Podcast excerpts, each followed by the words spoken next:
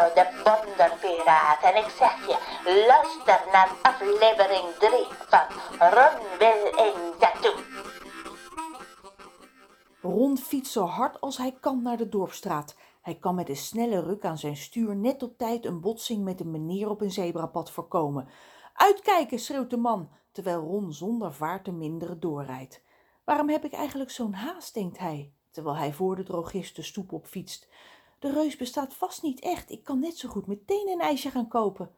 Maar om de een of andere reden weet hij zeker dat hij de reus niet heeft verzonnen. Hij voelt het in zijn buik, waar het kriebelt als hij aan zijn droom van vannacht denkt. Het is de het is waar kriebel, die hij ook voelde toen hij aan zijn moeder en vader vroeg of ze gingen scheiden en zij geschrokken antwoordde dat ze dat nooit zouden doen. Een week later vertelde ze hem aan de keukentafel met bleke, ernstige gezichten dat hij gelijk had. Maar hij moest vooral niet denken dat het zijn schuld was. Dat dacht hij ook helemaal niet. Maar blijkbaar was dat iets dat ouders die gaan scheiden doen: tegen hun kinderen zeggen dat het niet hun schuld is. En ze moest hem nog iets vertellen, zei zijn moeder, terwijl ze een arm om hem heen sloeg. Je weet dat we allebei ontzettend veel van je houden, dat verandert nooit. Zijn vader haalde een paar keer zijn neus op toen ze dat zei, en daarna wreef hij in zijn ogen en legde hij een hand op Rons knie. Zijn vader was een huilenbalk, net als hij. Ron voelde zich verdrietig, maar was ook blij dat zijn vader ergens anders ging wonen, zodat hij en zijn moeder s'avonds niet meer fluisterend ruzie zouden maken.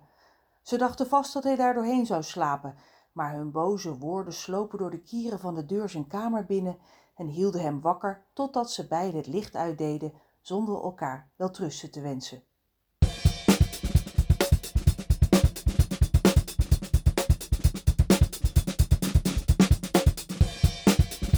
Ron fietst langs de drogist, de kaasboer en de buurtsuper. Afstappen, dit is een voetgangersgebied, snauwt een dame met een hondje in een kinderwagen. Maar Ron hoort haar niet. Hij buigt zich over zijn stuur, tuurt door de ruiten van de winkels en kijkt naar alle mensen die hij passeert. De reus laat zich niet zien. Als hij aan het einde van de dorpsstraat is gekomen, stapt hij af. Wat ben ik toch stom, denkt hij. Hoe had ik ooit kunnen denken dat hij echt zou zijn? Ron voelt zich opeens doodmoe. En hij kan ook niet meer goed zien, omdat zijn ogen vol tranen staan.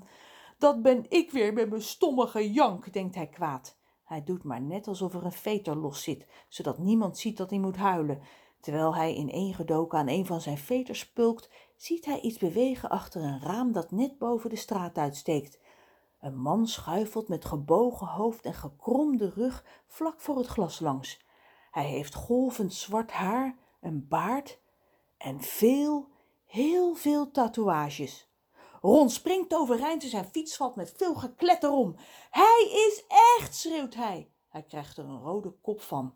Wie is echt? vraagt de man van de speelgoedwinkel die de deur uitloopt om te zien wie al dat lawaai maakt. Ron hoort hem niet. Hij loopt naar het raam waar hij de reus zag en gaat voorzichtig op zijn hurken zitten om hem nog eens goed te bekijken.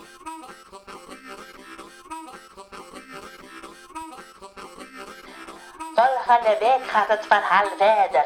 En ik kom ooit aan de beurt. Pedro de Wonderpiraat. Volgende week nog niet, maar ooit. Ooit ben ik Pedro de Wonderpiraat aan de beurt. Ja, nou weten we het wel.